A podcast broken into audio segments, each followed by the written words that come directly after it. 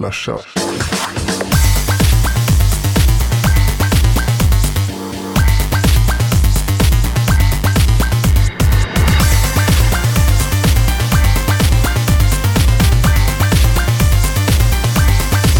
Slasha. Då är ni alla hjärtligt välkomna till ännu ett eh, avsnitt av slashat.se nummer 34. Eh, Jesper heter jag och vi har även med oss eh, programledare nummer två. Den nästan som är lika bra som Jesper. Tom heter jag. Nästan lika du var ju bra. nummer ett. Ja, denna vecka var det. Nästa vecka får vi se hur det ligger till. Mm. Ja, det får. Det, och det är nästan att vi kör en poll på den här gången. Vilken programledare gillar ni bäst? För att skapa de eventuella motsättningar som skulle kunna uppstå.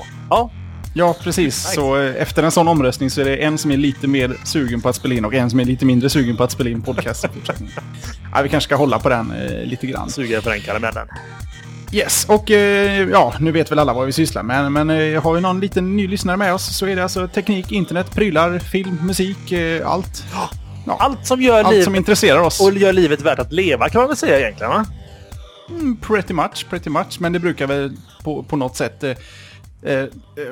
vad heter det? reduceras ner till någon form av Apple versus PC, Google, Twitter och ja, allt som rör sig, ja, nät, prylar, teknik, internet, mobiler. Mm. Ja, däromkring simmar vi runt på internet och det, det är väl ganska, kanske inte bra, men gladligen i alla fall. Eller vad säger du?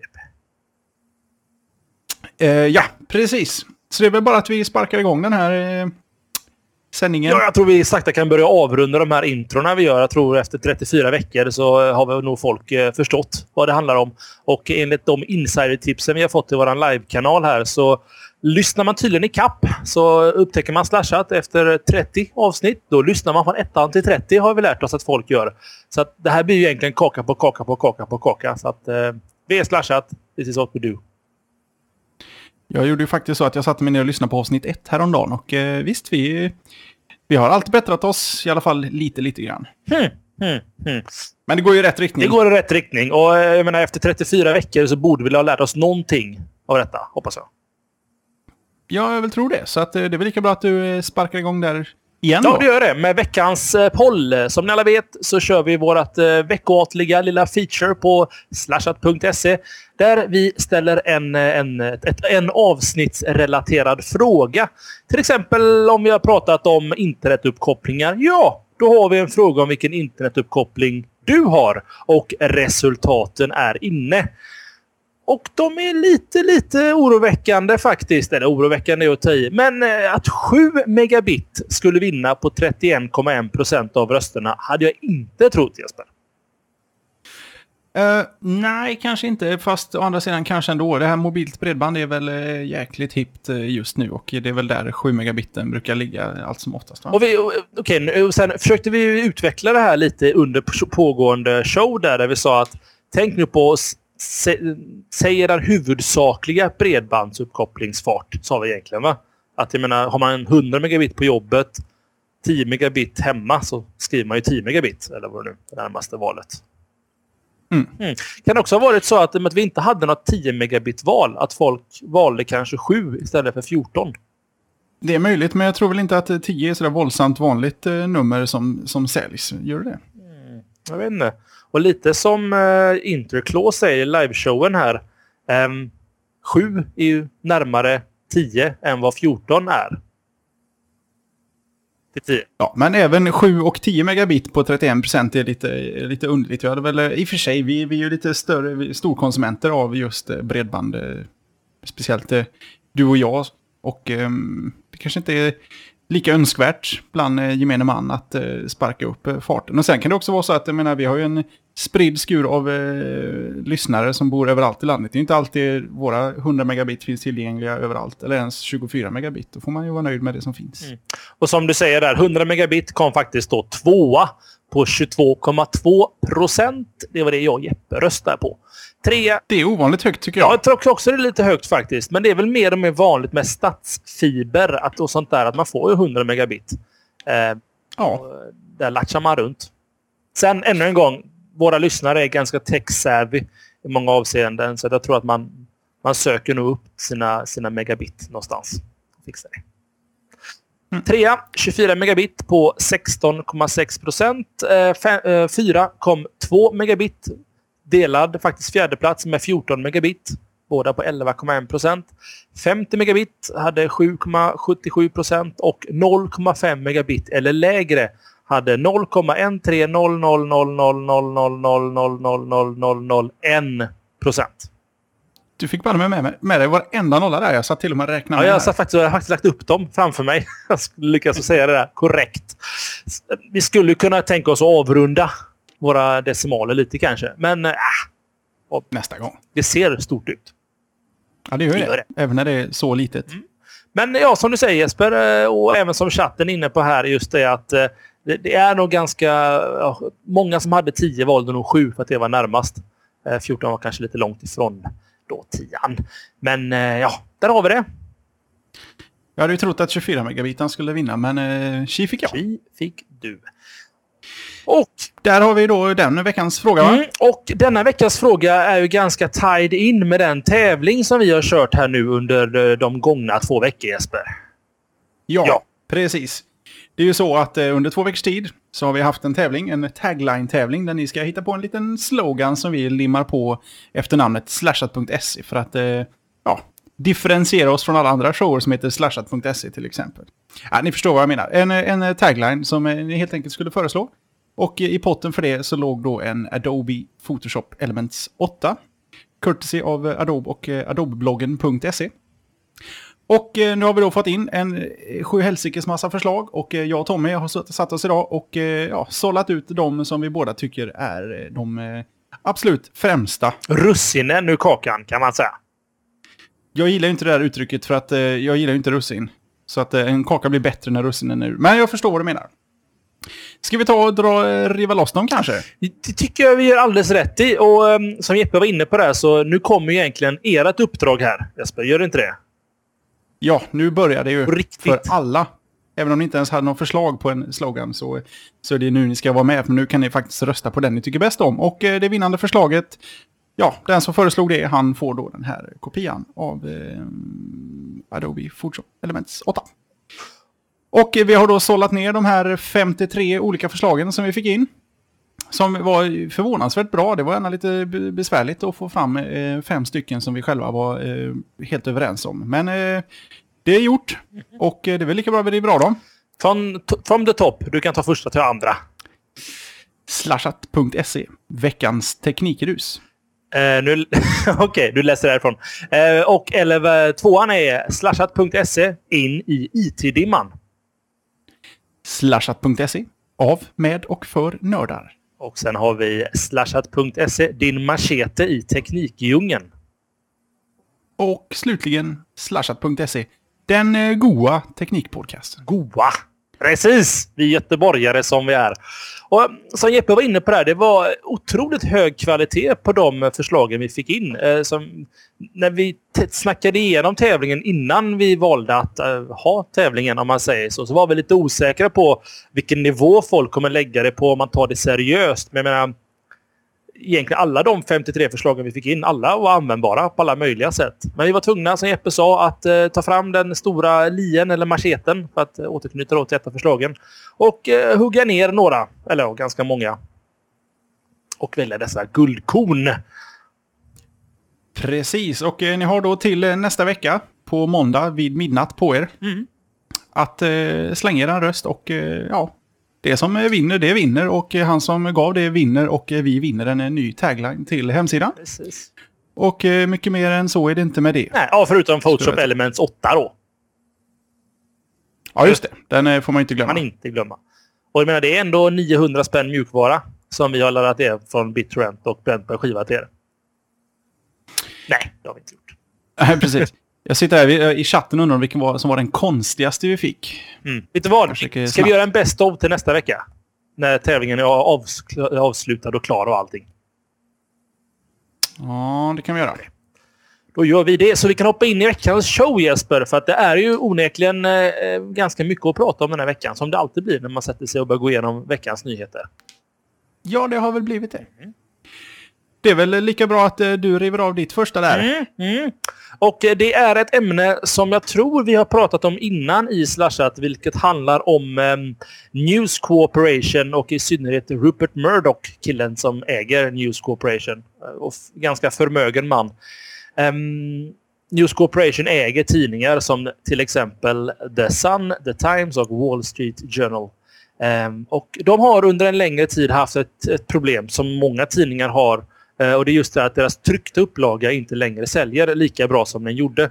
Anledningen till detta är ju att vi vill inte konsumera tidningar i, eh, i döda träd. Vi vill kanske kolla dem, läsa dem på vår Kindle eller på våran dator eller vad det nu kan vara. Och Det här stör då den mer ekonomiska delen av tidningen för att um, hur vi än vänder och vi på oss så är ju intäkterna från tidningen det som betalar journalisterna för att kunna producera det som vi läser och konsumerar. Um, Idag när de lägger ut artiklarna på nätet så finns det ingen intäktsmodell i det avseendet. Jag ska inte gå in så mycket i freemium versus, versus premium-tänket där. Men Murdoch och hans vänner på News Corporation har valt då att gå via paywall-vägen. Det vill säga att man bygger en stor mur runt dess contenten och vill du läsa den så får du betala ett daypass. Eh, Aftonbladet kör väl en liknande lösning. Deras premium-grejer, vad de kallar det för. Aftonbladet Plus. Precis. Um, yes. och det, Aftonbladet Plus är väl egentligen en fördjupningstjänst. Det vill säga att um, om man läser en artikel och vill läsa lite mer eller på något sätt så kan man väl använda Plus. Är det inte så Jesper?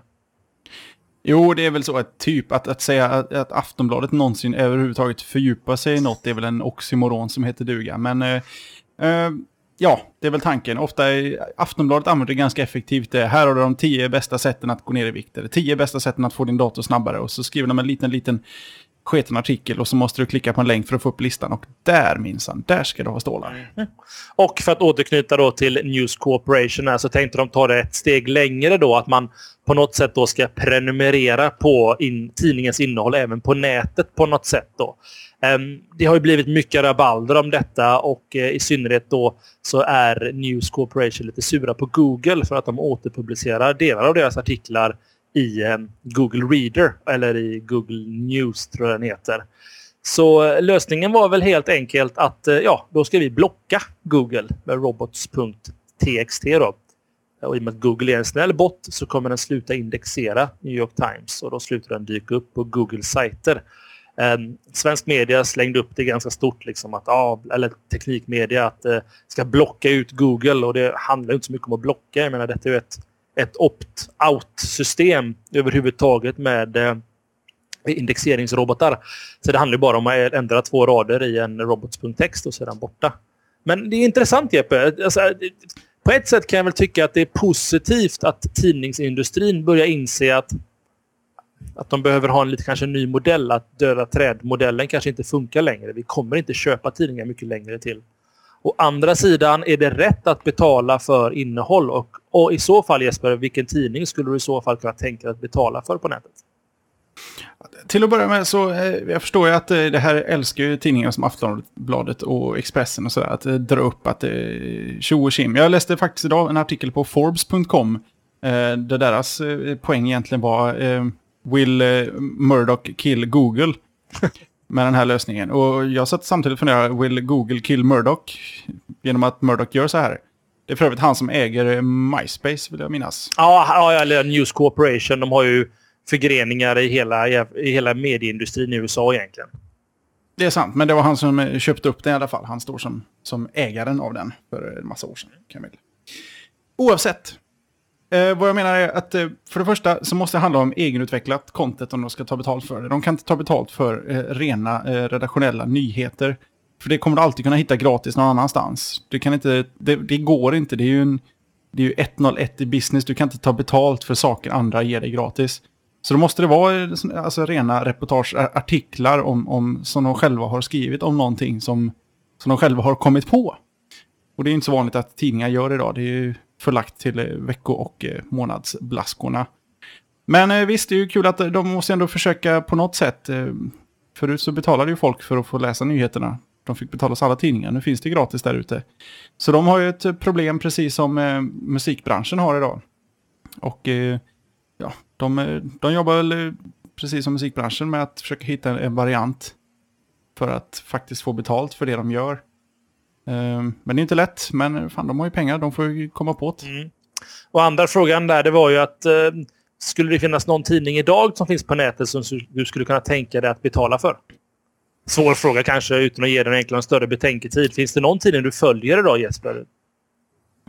Det finns ingen tidning jag betalar för att läsa på, eh, på nätet, nej. Men eh, i ren pappersvariant så är det egentligen bara M3, den svenska teknikpryltidningen jag köper. Men det är mest för att eh, jag har ingen dator på DAS. en? Den behövs där liksom. iPhonen kan du ta med dig till exempel.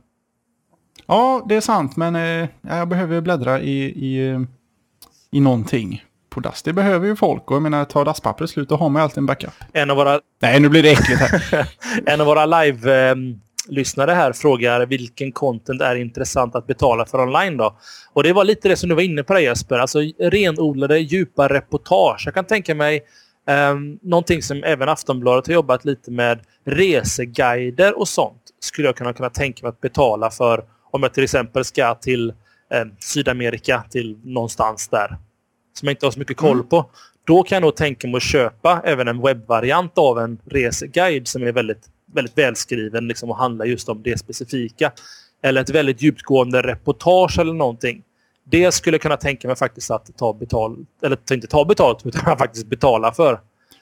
Jo, det skulle jag också kunna och det har jag faktiskt gjort. Jag tror jag köpte någon reseguide för någon, någon ort jag flög till någon gång. En pdf för 20 spänn så får man reda på allt grundläggande, liksom vad man behöver. Vad man bör se, valutor, vilken sorts mat och resor och nummer till allt och alla. Det, det, det tycker jag kan vara, kan vara värt att, att, betala för.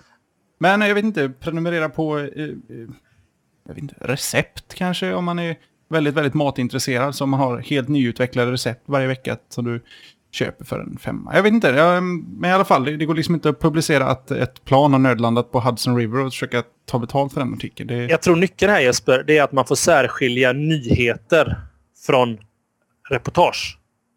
Ingen, ja, kom, det det ja, ingen kommer betala för nyheter. För att, precis som du säger Jeppe, alltså RSS-läsare är en bättre nyhetskälla idag än vad någon tidning kan vara. Just för att den aggregerar liksom ner all data. Sen också med den sociala webben som många som kan säger är den nästa del av webben. Om 2.0 var de här dynamiska bitarna och sociala nätverken så är nästa steg då den sociala webben där vi kommer agera nyhetsfiltrerare åt varandra. Jag kan nämna här att Google eh, ursäkta mig, jag är lite förkyld, det är därför jag låter lite konstigt idag. Även Jesper är förkyld, så att det, det är den, får döpa den här till eh, Kultingen eller någonting, den här showen.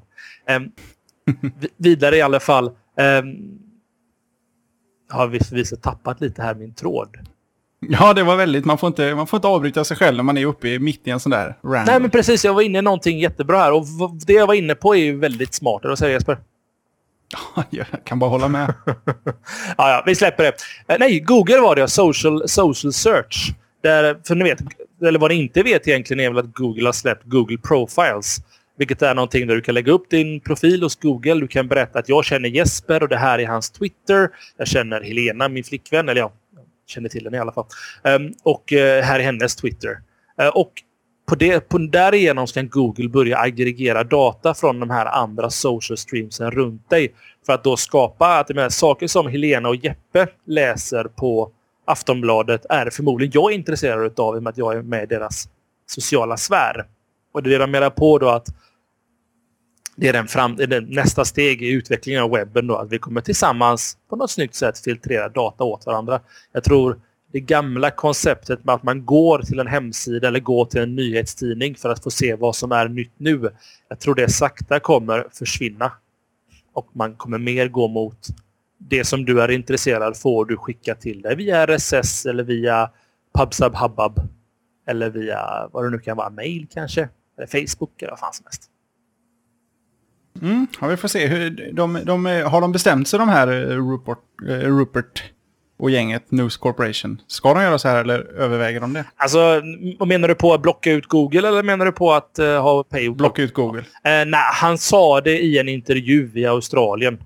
Så att jag menar, men han, han sa det som en möjlig lösning för att och så vidare och så vidare och så vidare. Så att, ja, vi vet inte. Vi får se helt enkelt. Ja, alright.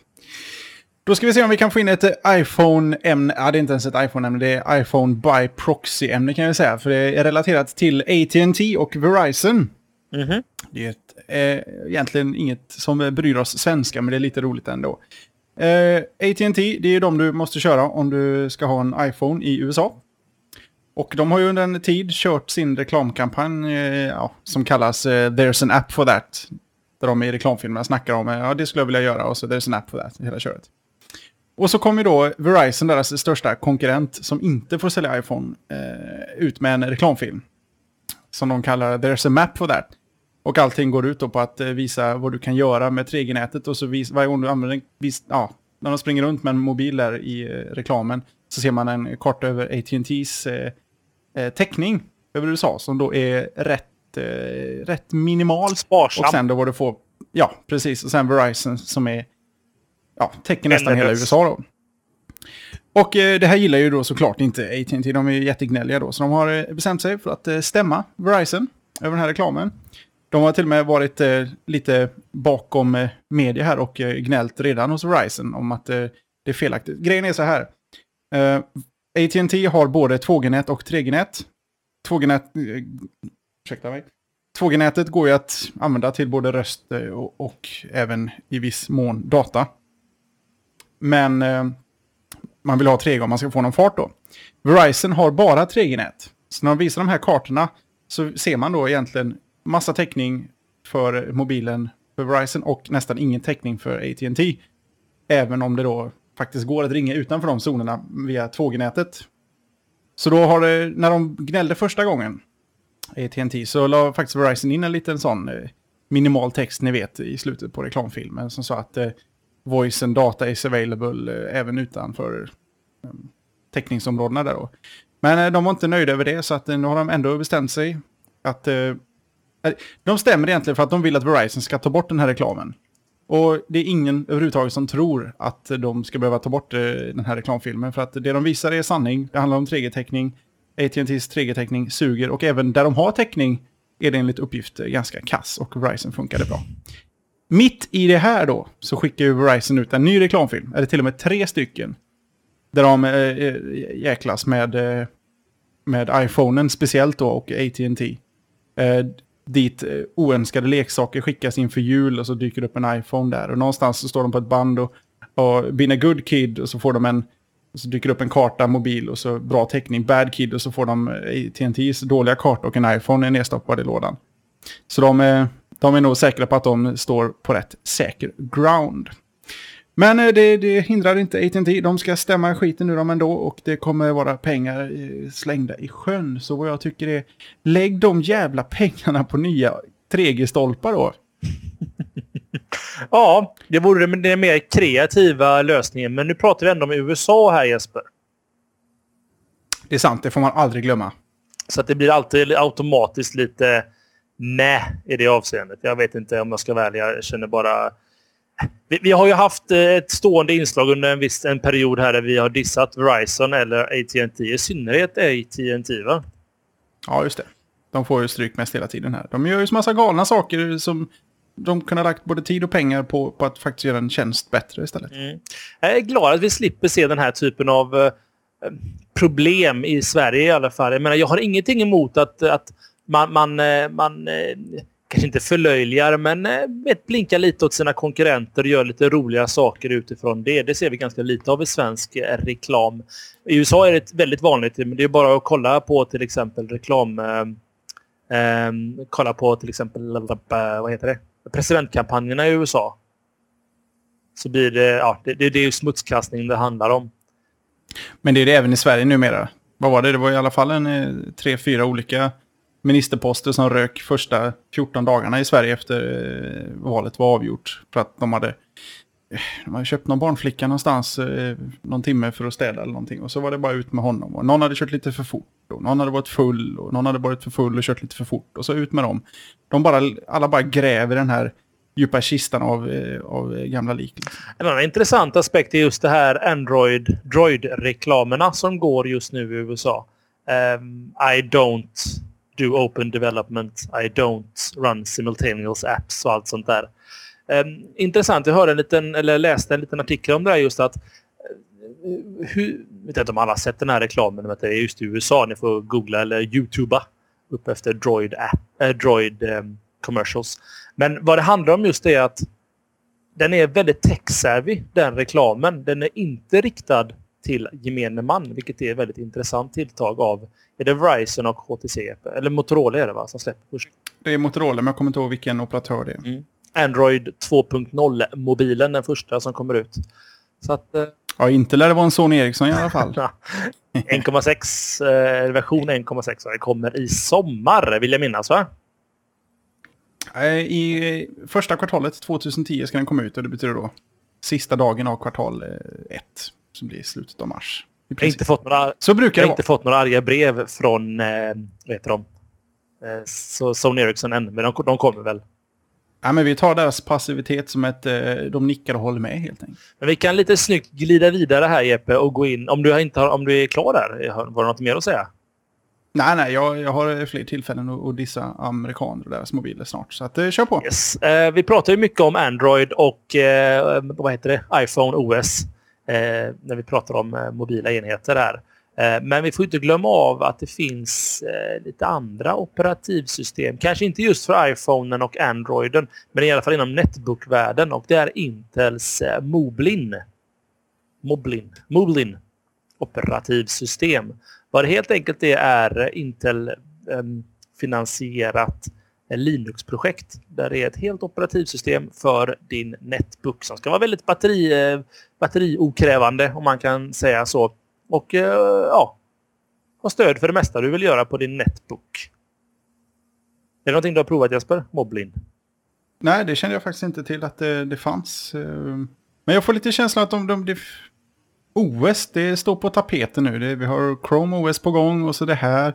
Och eh, häromdagen så introducerade Samsung också en, ett OS, vill jag minnas. Mm. Som då ska snacka med deras prylar på något sätt. OS, det är det nya...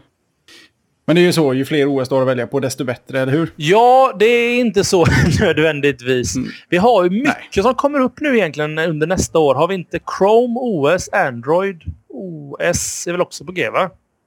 Ja, det var ju det där vi satt och var lite dumbfounded över i somras. Vi förstod inte varför det skulle finnas eh, två olika. Men eh, det finns ju fortfarande väldigt lite att säga om Chrome OS, eh, exakt vad det ska vara till för. Men de kanske siktar in sig på någon sorts netbook-plattform. Ja, det konstaterar vi ju då också att även Android var ju från början i, i sin första spes planerad att eh, faktiskt fungera för netbooks också, inte bara mobiler. Mm.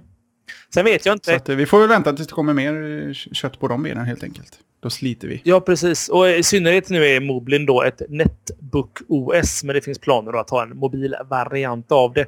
Eh, de släppte i dagarna deras nya version 2.1 som eh, har bättre stöd för tilläggsmoduler, eh, för 3G, för Bluetooth, eh, bättre stöd för nätverksanslutningar och ett, ett skalbar, skalbart gränssnitt tydligen så man kan ja, så högre upplösningar för mer och mer netbooks kommer med högre upplösningar idag. Ehm, men en skön grej just med Moblin är att du kan köra hela kalaset på ett USB-minne. Så att eh, det, du kan ju ta med dig ditt operativ och stoppa in det i kompisens dator eller någonting. Det är någon variant av, vad heter det där andra som man alltid kan köra på ett USB-minne, även program och grejer? Tre någonting vill jag tro. Hjälp mig nu ni i chatten. Det heter 3... 3 U, U, U3? U3? Ja, jag menar det här thumbnail eller thumb... Ja, du har allting på ett USB. U3 säger de i chatten här. Ja, just det. Så att du kan ha med din eh, Thunderbird, du kan ha med din eh, Xbox eh, Media Center, du kan ha med dig din eh, browser med alla, allting i. Mm. Ja, det är också någonting som är intressant också, lite, om vi pratar lite och säger lite om framtiden här. Jag är ju fast beslut, eller besluten om kanske inte är, men jag, jag tror i alla fall att framtiden kommer ligga i det virtuella i det avseendet. Då. Inte en virtual 3D-värld i rött som var på tapeten på 90-talet. Utan just det att vi kommer inte ha en dator på samma sätt stående hemma hos oss. Vi kommer ha en terminal som i sin tur kör en virtuell dator eh, och därigenom då har vi alla våra apps synkade i mitten någonstans. I molnet som Linux-professorn skriker här i chatten. Ja, molnet, det, allting verkar ju lida därhen. Jag kanske ser någon sorts variant av eh, Dropbox som OS. Där allting alltid finns där uppe också så att du bara klick klick så får du ner det Jag vet inte, det är kanske bara är en sån där mental grej man måste komma förbi att allting inte finns direkt när du sätter det vid datorn. Du måste fortfarande upp och hämta det liksom in i vilket program som nu krävs. Men det kanske kommer OS för det också. Det kanske till och med det Chrome OS är. Och jag tror också att... Snack... Vad fan, är du Norrland? jo, men visst. Nej, de snackar också lite i chatten här om att, eh, att de inte vill ha sina grejer i molnet och att molnet är en överdriven hype, säger vår gästlyssnare här. Och, eh, jag kan förvisso hålla med er om det, men jag tror... Alltså, ofta så drivs utvecklingen av kommersiella intressen. Det finns ett otroligt stort kommersiellt intresse från mjukvaruutvecklare att ha programmen körandes i en kontrollerad miljö på nätet eller i molnet om man så säger. Just för att licensfrågan blir någonting helt annat.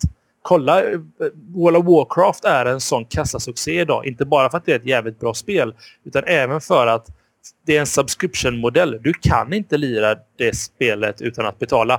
Sure, du kan köra en emulerad server och sitta själv och eh, one-shotta och nyxia med slash kill-kommando. Liksom. Visst, det går naturligtvis. Men du tappar hela poängen med spelet. Och det är just det som mjukvaruutvecklarna vill komma till.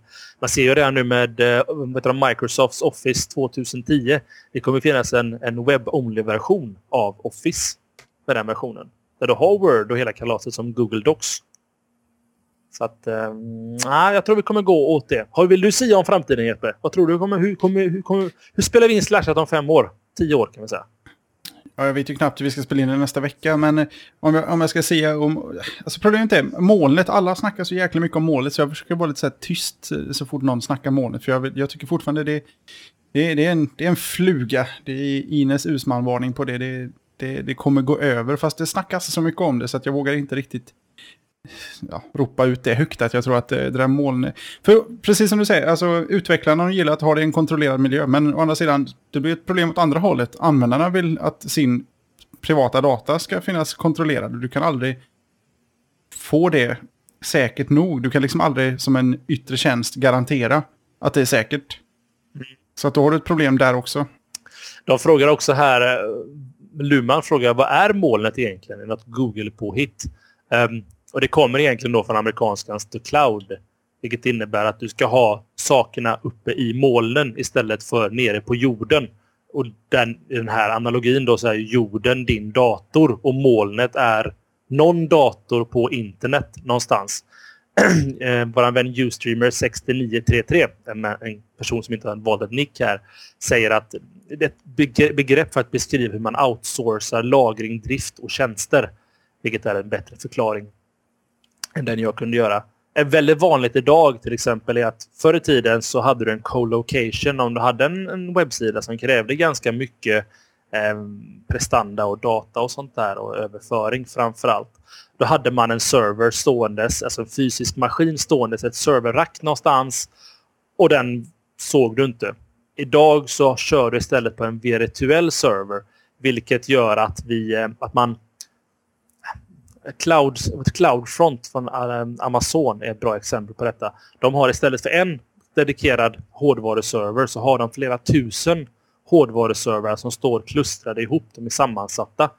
Och så kan du köpa en liten, liten, liten, liten del av alla de tusen servrarna och ha den som prestanda. Och vad som är just väldigt positivt just med drift i en virtuell miljö är att du slipper de vanliga problemen med nedtid om du till exempel behöver byta RAM-minne på din fysiska server.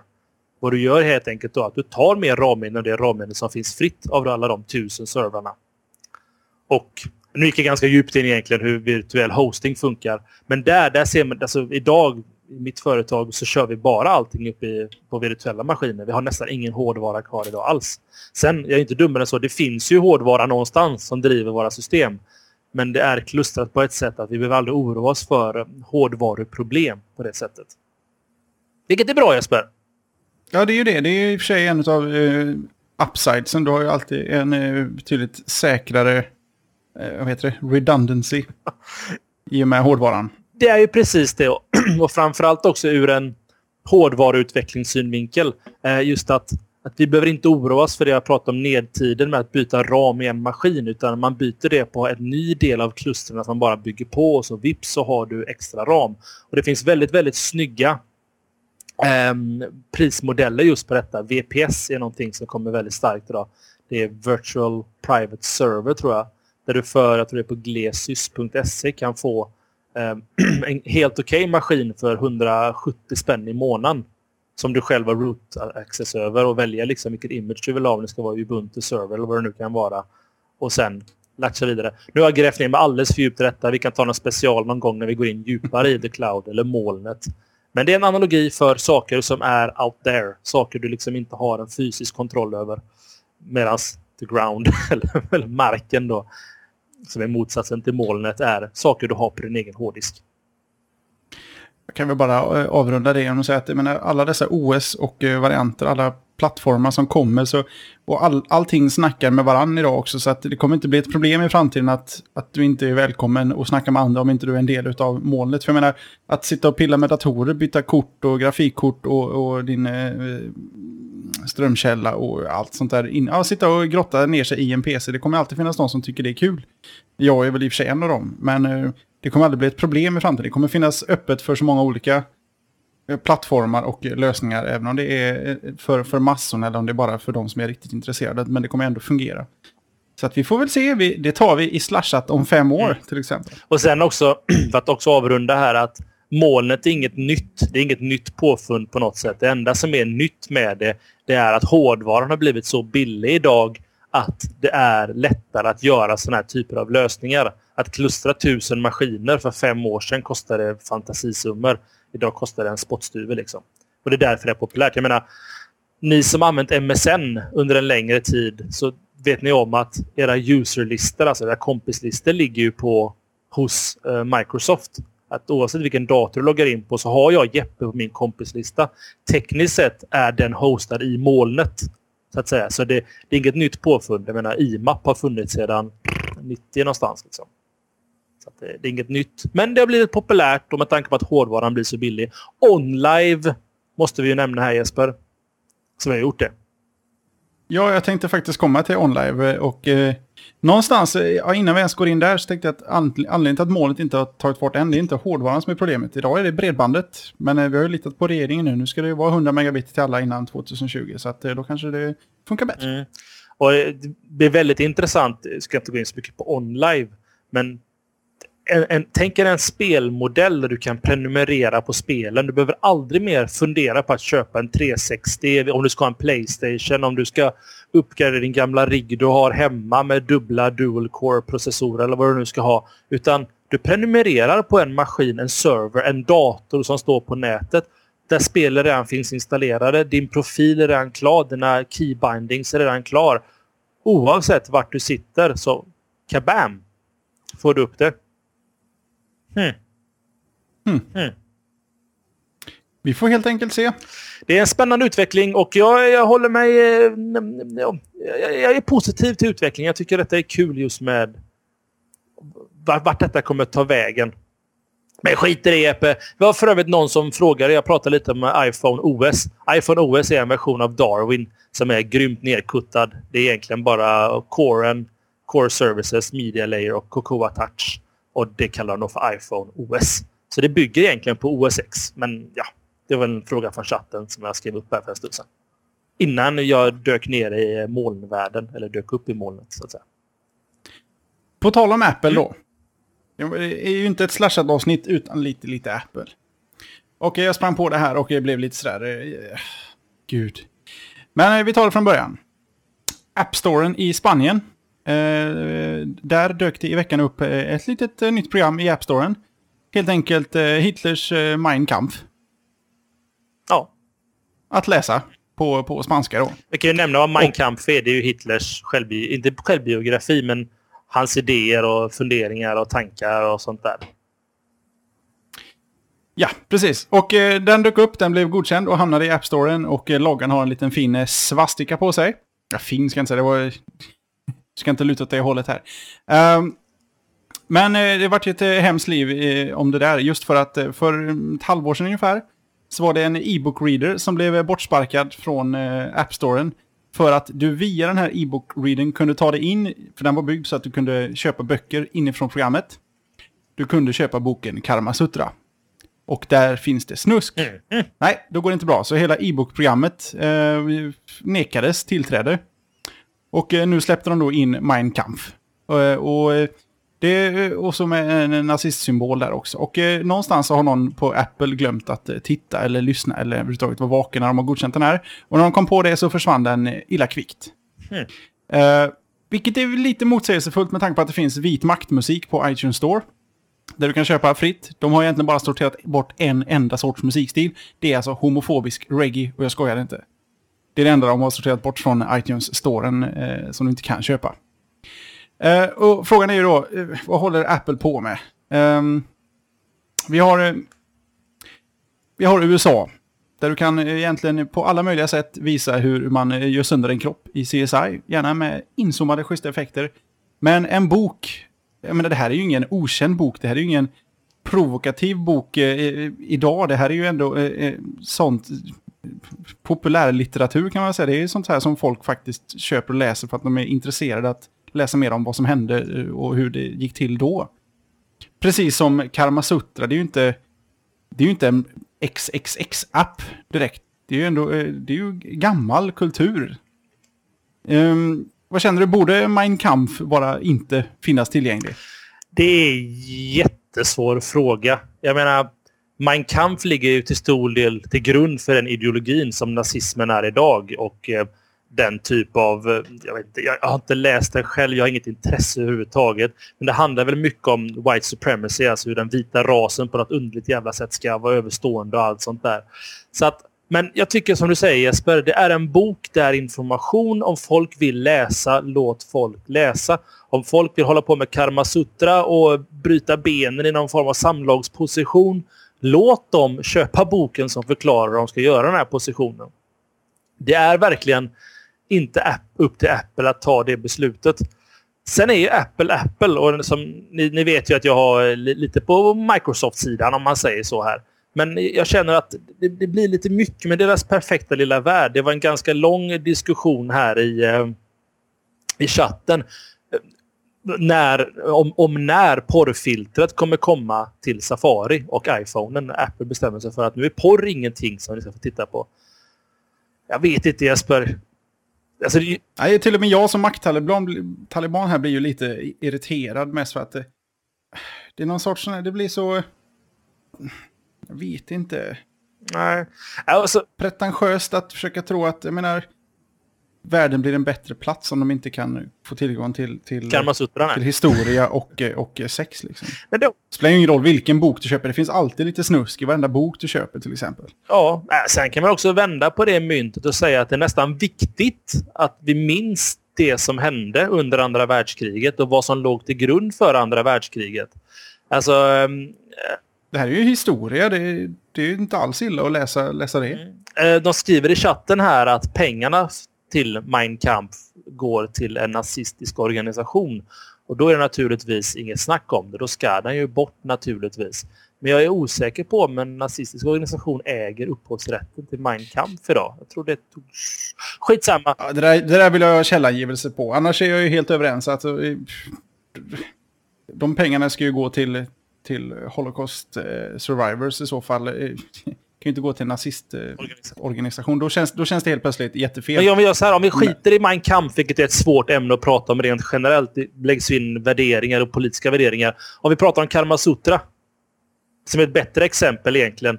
Varför väljer Google, eller Apple att ta bort någonting som faktiskt... Jag menar, sex är väl egentligen vackert. Det är väl underbart att ha, inte bara ha sex, men att jag menar, att utveckla sitt sexliv genom Karma Sutra och då bestämmer Google att, eller Apple att nej, men det får inte ni göra. Klick. Mm, ja, det, jag tycker det får någon sorts motsatt effekt. Det är lite, lite dubbelmoral överhuvudtaget i, i den amerikanska synen på, på just sex. Att det skulle vara så jävla illa. Mm.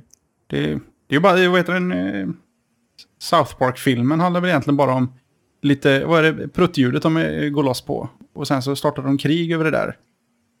Just det. ja, men det är South Park i ett nötskal. Fantastisk.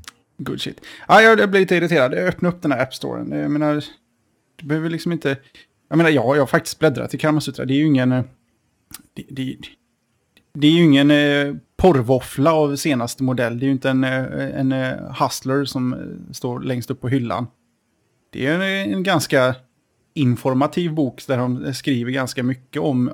Det är liksom inte bara en, en, blädderbok av positioner. Inte alls. Nej, nej, verkligen. Nej, det finns väl också en ganska djupt spirituellt runt Kamasutra, va? Ja, det är ju hela det det, det går ut på. Mm. Nej, skärp er, lägg ner, lägg upp. Lägg upp, lägg ner. Och som vi sa, det, ja, det, det pågår eh, heta diskussioner här just nu i chatten om hur, vem som äger upphovsrätten till Mein Kampf och sånt där. Och vi ska inte, som vi ser på var inne på, vi ska inte fokusera för mycket just på den boken utan vad vi menar på är det just att Apple på många olika sätt ibland kan tyckas och, ja, lite mycket reg regulations helt enkelt. Ja, det är ju ganska intressant att veta. Men ska man gå och köpa den där i bokhandeln så är det bra att veta att inte de där pengarna går till Eh, till nazistsympatisörer till exempel. Nej, det är sant och jag har svårt att tro att de skulle göra det då. Men skitsamma, det, vi ska inte diskutera den här show. Det är ju känsligt också. Ja, det är känsligt och det, vi har verkligen ingen, ingen kunskap i detta. Det sa vi, det, det är känsligt, alltså är det därför Apple tagit bort den. Så vi kanske klev i, i, i vad heter det, klaveret. Alltså, jag ska alltid falla tillbaka på Karma Sutra på något sätt. Ja, sex är fint. Mer sex Mer sex-app. Eh, bra, vet du vad? Jag tycker vi går vidare Jesper till nästa ämne. Hugg. Hugg i trä och ljud och bild. Och det är faktiskt lite, lite mer Google. Ehm, det är faktiskt så att vi har um, ganska mycket i Google den här veckan. Det har varit lite slö nyhetsvecka. Håller du inte med mig Jesper? Jo, det har varit jobbigt får jag säga. Det har varit jobbigt för oss. Hör, jag sitter ju och diskuterar Karmasutra här på bästa sändningstid. Då, då förstår du ju. Då förstår vi. Eh, då ska vi se här. Vi har Google som idag, eller för två veckor sedan, så meddelade vi att eh, Google meddelade att eh, kassan är öppen, plånboken är redo och det är bara att börja köpa upp andra företag. Och de eh, menade allvar i vad de sa och meddelade faktiskt eh, i eh, dag, den 11, den 9, 9 11, att de har köpt företagen, företaget Admob. Admob. Admobile. Typ. För den eh, ringa summan av 5 miljarder kronor, Jesper. Ja, fast det är ju låtsaspengar fortfarande. De betalade väl med aktier vill jag minnas. Förvisso, men eh, aktier i Google, det är bara att sälja sen så har du Ja, vänta bara. Det är IT.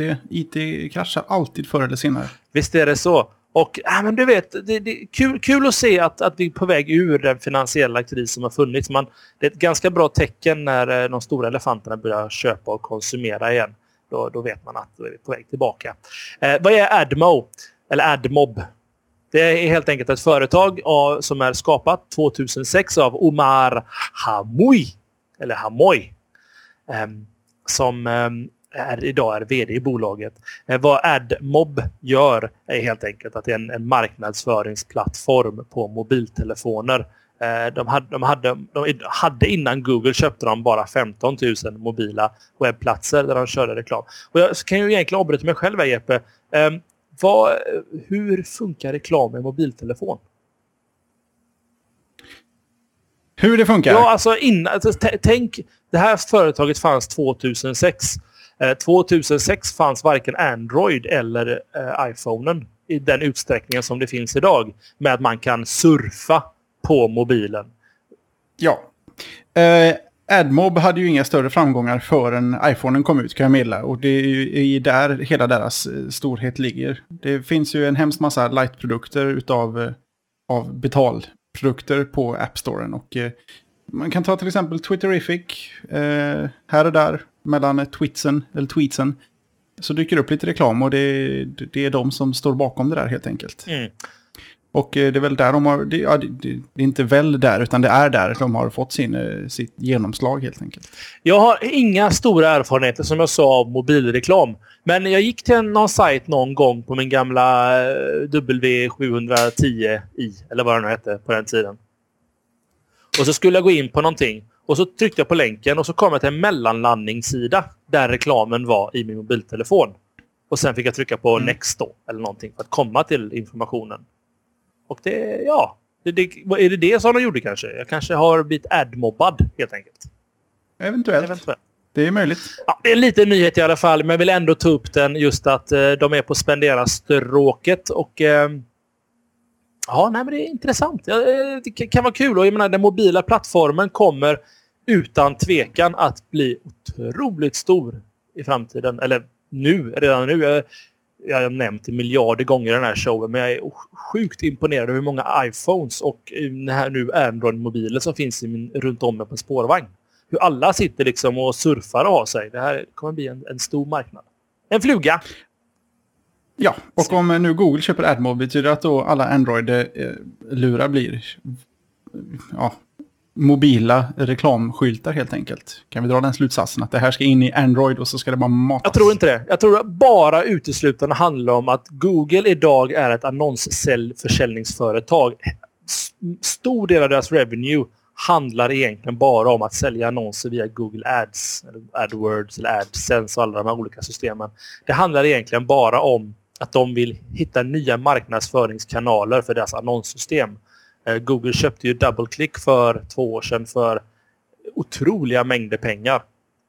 Och de vill bara hitta... De, de köpte förmodligen den största aktören som fanns inom mobilannonser bara för att kunna ha mobilannonser i, sitt mark i, sin, i sin portfolio för deras annonsörer. Um, men det betyder inte på något sätt att, som du var inne på det, att Android kommer få annonser i sig. Um, det har mycket att göra med att Android är öppen utveckling. Uh, Google kan inte tvinga in annonser i Android utan det är fortfarande upp till i slutändan tredjeparts tillverkarna. Heter det så? Typ Sony Ericsson och alla de här.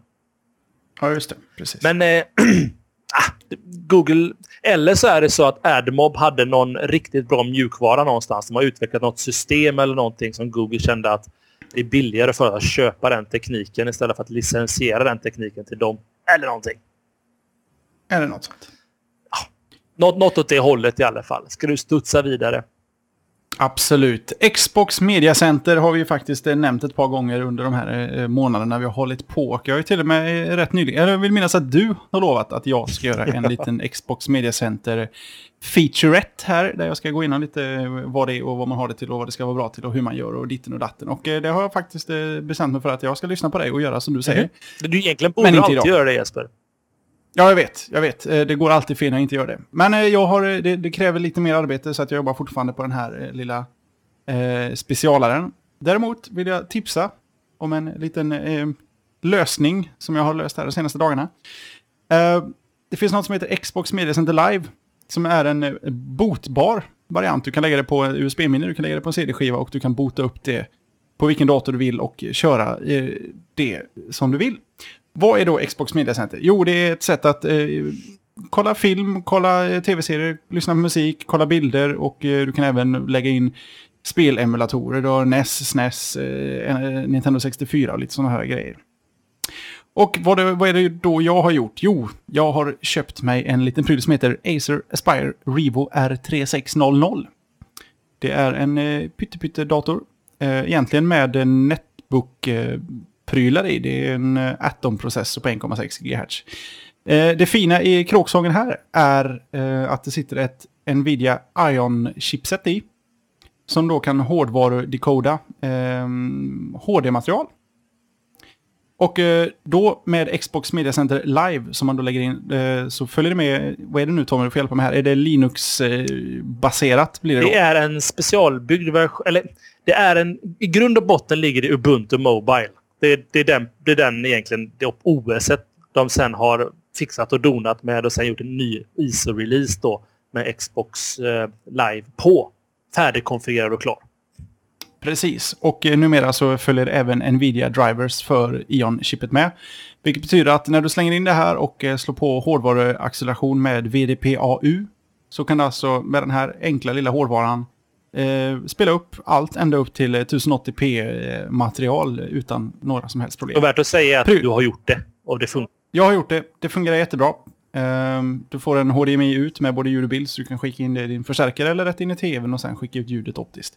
Eh, fungerar hur bra som helst. Eh, och det fina i kråksången här, du hittar dem på Ebay för 270 US dollars som idag slutar med 1900 svenska kronor. Jag fick betala 170 kronor i moms slash tull. Men det är fortfarande sjukt billigt för den här hårdvaran. Kan nämnas att det är 250 gigs hårddisk i 2 gig ram. Eh, de skickar till och med med Vista på burken.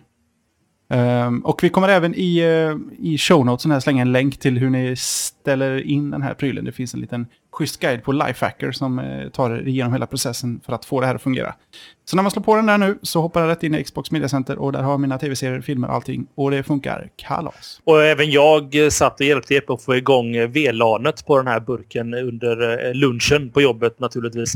Och det är förbannat snyggt gjort alltihop. Och som Jeppe var inne på, just det där att den har inhouse heter det inte, out of the box-stöd tillsammans med Acer Revo.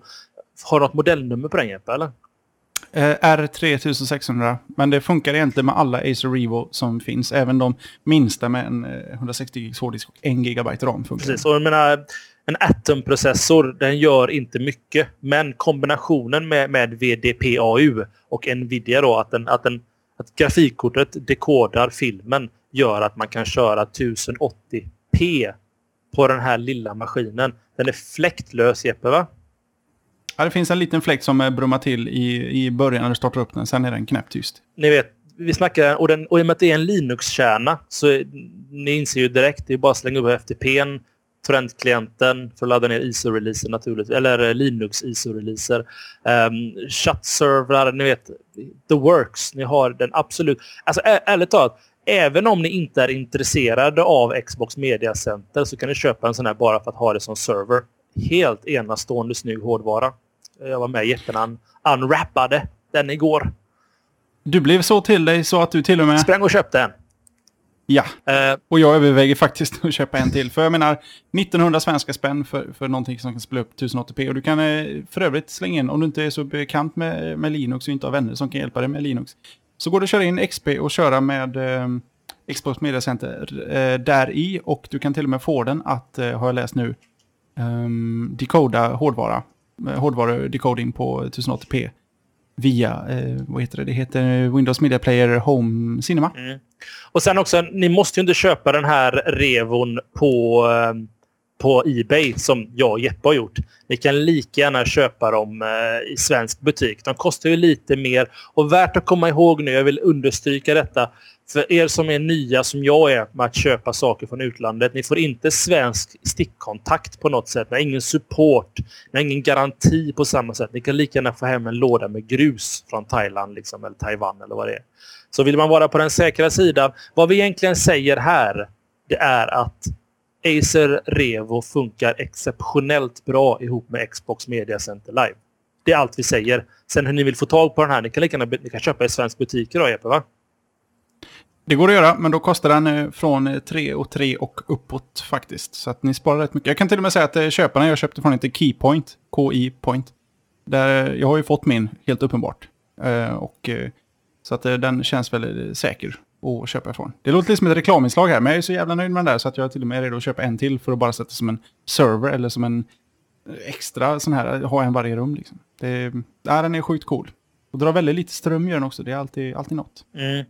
Och sen, och de pratar nu väldigt hallå i chatten här just om Ebay och sånt där. Och ännu en gång, jag vill understryka det. Eh, lite is i magen och... Eh, men alltså överlag så är, har vi, eller i alla fall du Jeppe som handlar lite på Ebay och sånt där.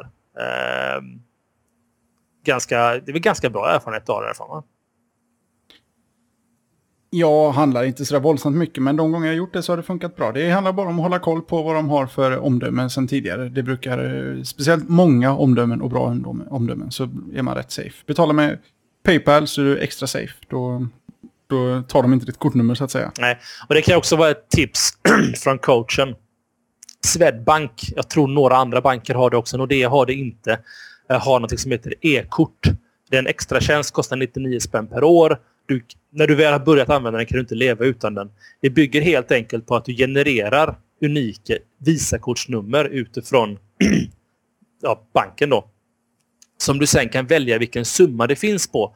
Så jag kan skapa ett kort med 1900 spänn på ett unikt Visakortsnummer, en expiry date och allting. Pengarna dras från mitt konto men allt som den som tar emot Visakortet ser är ja, ett, ett ett fejkat nummer egentligen. Eller ett fejkat jävligt fel, ett virtuellt nummer. Vilket gör att om, det, om jag blir cardad så fanns det bara 1900 spänn på det kontot. Det finns inte mer pengar. Det finns ingen koppling till mitt lönekonto eller till mina sparkonton eller någonting. Eller, och sånt där. Så att jag... Eh, ja, där har ni det. Och som vi sa, så får jag återknyta då till eh, Jeppsors lilla speciala här. Vi kommer komma en Xbox Media Center special. Vi bor, jag är väldigt ny i Xbox Media-världen och eh, Mediacenter-världen. Jeppe är gammal i gamet så att det kommer en liten, liten special. Ja, och jag är helt övertygad om att Revon kommer vara inblandad i den specialen. Så att eh, den som väntar på något gott får vänta tills jag är klar med den helt enkelt. Så kan vi väl röra oss vidare för denna gången. Nu blir det väldigt mycket reklam där och ännu en gång, det finns ingen sponsring från den här taiwanesen. Utan det var bara en positiv, eller en bra upplevelse helt enkelt. Du vet att när du säger så så låter det som vi är sponsrade. Det gör ju det, fast det är alltid svårt att säga någonting som faktiskt är sant. Fast som kan tyckas vara osant. Jag vet inte. Ja, skit i det. Gå vidare. Skit i det, skit i det, skit i det. Skit i det. Ett tips från oss. Eh, ska vi kanske sakta börja knyta ihop säcken, Jeppe? Vi är uppe över en timme nu, va? Ja, vi är ju det. Så att, eh, har du något mer att säga så får du, får du gärna sätta fart. Ja, jag skulle ta ytterligare ett Google-ämne som handlar om dashboarden. Dash, eh, Google.com dashboard. Så kan du se vad du har gjort med ditt Google-konto under senaste året. Ah, eller senaste, under hela livstiden egentligen med det kontot. Jag vet inte. Känns så här. En sorts eh, kontrollpanel? Ja, en typ dashboard. Inte mycket att prata om. Du har lite en till grej här som jag tror du vill nämna också, va? Uh, ja, jag tänkte väl bara säga att uh, Mobilgalan 2009 avgjorde 5 november. Ingen uh, Apple-mobil vann. Jag kan säga att årets kameramobil blev Sony Ericsson Satio. Som kom ut ungefär samtidigt som tävlingen avgjordes. Intressant. Årets musikmobil Sony Ericsson W995. Intressant. Det är en Sony Ericsson. Jag är tveksam. Det här är ju också framröstat av Mobils besökare. Så att på någonstans, någonstans så ska det stämma. Fast eh, vänta lite bara. Årets multimediamobil Samsung Omnia HD. Mm, trevligt. Årets smarta mobil Nokia N900. Som inte finns. Hur vinner den årets smartaste mobil bland användarna av deras sida? ah, det är fishy. Årets internetmobil, HTC Hero, årets designmobil, LG Crystal, årets GPS, TomTom Go, 930T och årets mini-PC, Sony Vaio P. Den som har provat en Sony Vaio P vet att det är inte årets mini-PC. Jag, jag, vet inte. Det, känns, det här känns som en, en, en fackmässa för dem själva. Där sponsorer får en chans att mysa med varandra. Jag vet inte. Ja, men det ska ändå vara framröstat av eh, mobil.ses besökare på något sätt. Jag kan mena att eh, årets multimediatjänst gick till Spotify. Det känns väl okej? Okay? Ja, makes sense. Det, det, det hade man nog lagt samma förslag där också. Eh, mobil, eh, de bästa produkterna, tjänsterna och företagen har utsetts av Mobilgarans jury samt genom en omröstning bland Mobils läsare. Så det säger ju egentligen ingenting, tyvärr, om, om digniteten i detta. Nej, men just vilka mobiler som vinner är gjort av, eh, av själva besökarna. Eh, läsarnas val till och med. Juryns pris har varit så här årets mobila nyhetstjänst, DN, eh, årets mobila sporttjänst, Sportbladet och lite sådana grejer. Det är just mobilerna har läsarna fått. Men de har varit höga på crack, så att eh, de, de har inte vetat vad de har röstat på. Ja, jag vet inte. Det vilar mycket på anticipation kanske, just att man röstar på en mobil som ingen har hållit i sin hand egentligen. Det, det är årets den mobil. Den som folk har lagt undan pengar till att köpa, den kommer att rösta på för de vill känna att det, var, det, var, det, det kommer vara värt det. Eventuellt. Jag vet, Nej, jag vet inte. Det, det, det är skumraska affärer hela skiten du. Ja, det är det. Vänta bara att det är slashat Web Awards kommer och ska fejka till allt. Då jävlar vet du. Då är det du som vinner första pris och jag som vinner första pris. I varsin kategori. Japp. Årets spel, Duke Nukem Forever, säger Linux-professorn. ja, men det, det, är lite samma just som Nokia N900. Mm. Man vill. Man vill så mycket, men det går inte. De menar väl, Jeppe? De menar väl. Ja, ja, det är kul. Vi får se hur det går i fortsättningen och hur det går med det. Och eh, vi väntar ju på deras, eh, vad heter det nu, X10 Xperia. X11 var det väl? Var det Att inte den vann. den borde ha vunnit. Den kom ut för sent kanske. Eller den annonsades ja, för sent. Ännu en gång, problemet med den här marknaden överhuvudtaget. Det är så stora, vet du, den slår på stora trumman ett år innan mobilen släpps. Och som du sa förra showen Jeppe, när den väl släpps så har alla redan sprungit förbi den. Ja, det där är ju typiska SE-sjukan. Sony Ericsson är ju duktiga på. Eh, de, det är lite så här, um, vad heter de, neonode-varning på det. Man kan inte gå ut med hippa specs när spexen är hippa. Mm. de, de måste vara hipp även när de kommer ut. Liksom. Det funkar inte riktigt eh, att komma ut med förra årets hetaste späck. Jag har en grej som jag skulle vilja säga, men jag sparar faktiskt det till efter, eftersnacket här som sker på live.slashat.se. Det är inte för att retas, men det är för att det, det behövs inte nämnas i liveshowen. Men det ger dig en bra möjlighet att plugga Jesper live.slashat.se. Absolut, och så kan vi också säga att eh, nu, får ni, ju, nu ser ni ju vilket mervärde det är av att faktiskt hänga med här på live.slashat.se när vi spelar in. Eh, ni får alltså lite mer där än ni får om ni lyssnar på det här som en prenumererad podcast. Så det är live.slashat.se. Tisdagar klockan eh, 19.30 börjar vi med försnack och förberedelser och eh, själva inspelningen brukar börja strax efter 20.00. Mm. Och eh, som Jeppe var inne på där, vi har ju en fast eh, tid nu för tiden. Förr i tiden, förr i tiden, ja, så två veckor sedan, så, så var det helt enkelt att vi, eh, vi satte oss ner på förmiddagen på tisdagen och sa vilken tid kan du och vilken tid kan jag. Sen så insåg vi att vi lyckas ju tajma oss till träningen, vi tajmar oss till eh, tv-program och allt annat. Så varför inte, varför vara taskiga mot er om att ni aldrig vet när det kommer på tisdagar utan halv åtta försnack 20.00 slår vi på den, trycker på stora record-knappen och så kör vi en timme.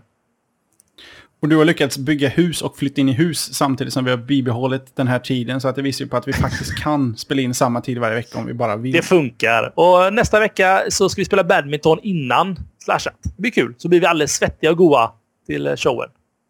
Ja. Precis. Med detta så kan vi borde egentligen också nämna då slashat.se. Det är där vi finns. Vi har även ett nyhetsbrev. Det Ehm, ja, det är inte mycket nyheter i brevet. Det är egentligen bara en liten kompis-reminder eh, varje tisdag eller måndag att eh, vi kör kväll eller i, eh, eller i morgon kväll. Då. Eh, så då mejlar man ett litet mejl till nyhetsbrev slashat.se och så skriver det bara skriv nyhetsbrev som subjekt eller något. Så inte spamfiltret går apeshit. Så är ni med på den listan. Ehm, Spännfri och annat kan vi garantera. Men jag tror någon har ett tillägg på tävlingen. Just det, för att bara snabbt upprepa. Ta er till slashat.se och eh, rösta på de bästa inkomna tagline-förslagen i våran eh, poll denna veckan. Jag kom på en sak här mitt under inspelningen. Det är faktiskt så att ett par eh, utav de här, det har ju varit, vi har haft sån otur kan man säga, att eh, vissa taglines har flera personer lyckats tipsa om exakt samma. Och då eh, har jag bestämt mig helt på egen hand där att den som tog taglinen, den som skickade första mejlet med eh, den taglinen kommer vinna så att säga. Mm. För att eh, det är så att ett eller flera av de förslagen som är uppe nu har flera tipsat om. Så att eh, först, den, först vinner så att säga. Precis. De var, väl inte, de var väl inte ordagranna, men de var så pass nära att det funkar inte att ha med båda liksom. Och då först in, eh, first served. Eh, nej, det är faktiskt så illa att vi har en i alla fall som är precis på ordet exakt likadan. All right. De måste ha tagit fasta på någonting vi sa då helt enkelt under när vi presenterade tävlingen. Ja, precis. Så var det med det. Nej, så, att, så ligger det till och det känns väl rättvist att han som tipsar om eh, den taglinen som vinner och det finns flera som har röstat på samma, eller föreslagit samma, att den första får priset. Det, det är väl alla coola med va? hoppas det. Och är de inte det så har de väldigt svårt att reacha tillbaka till det du säger nu. Så att we're, we're safe.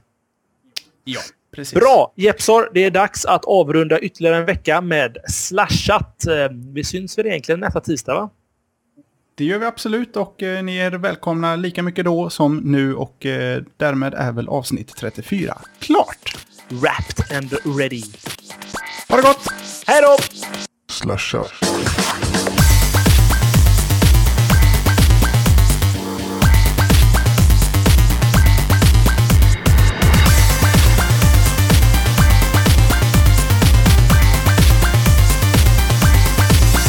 Slashat.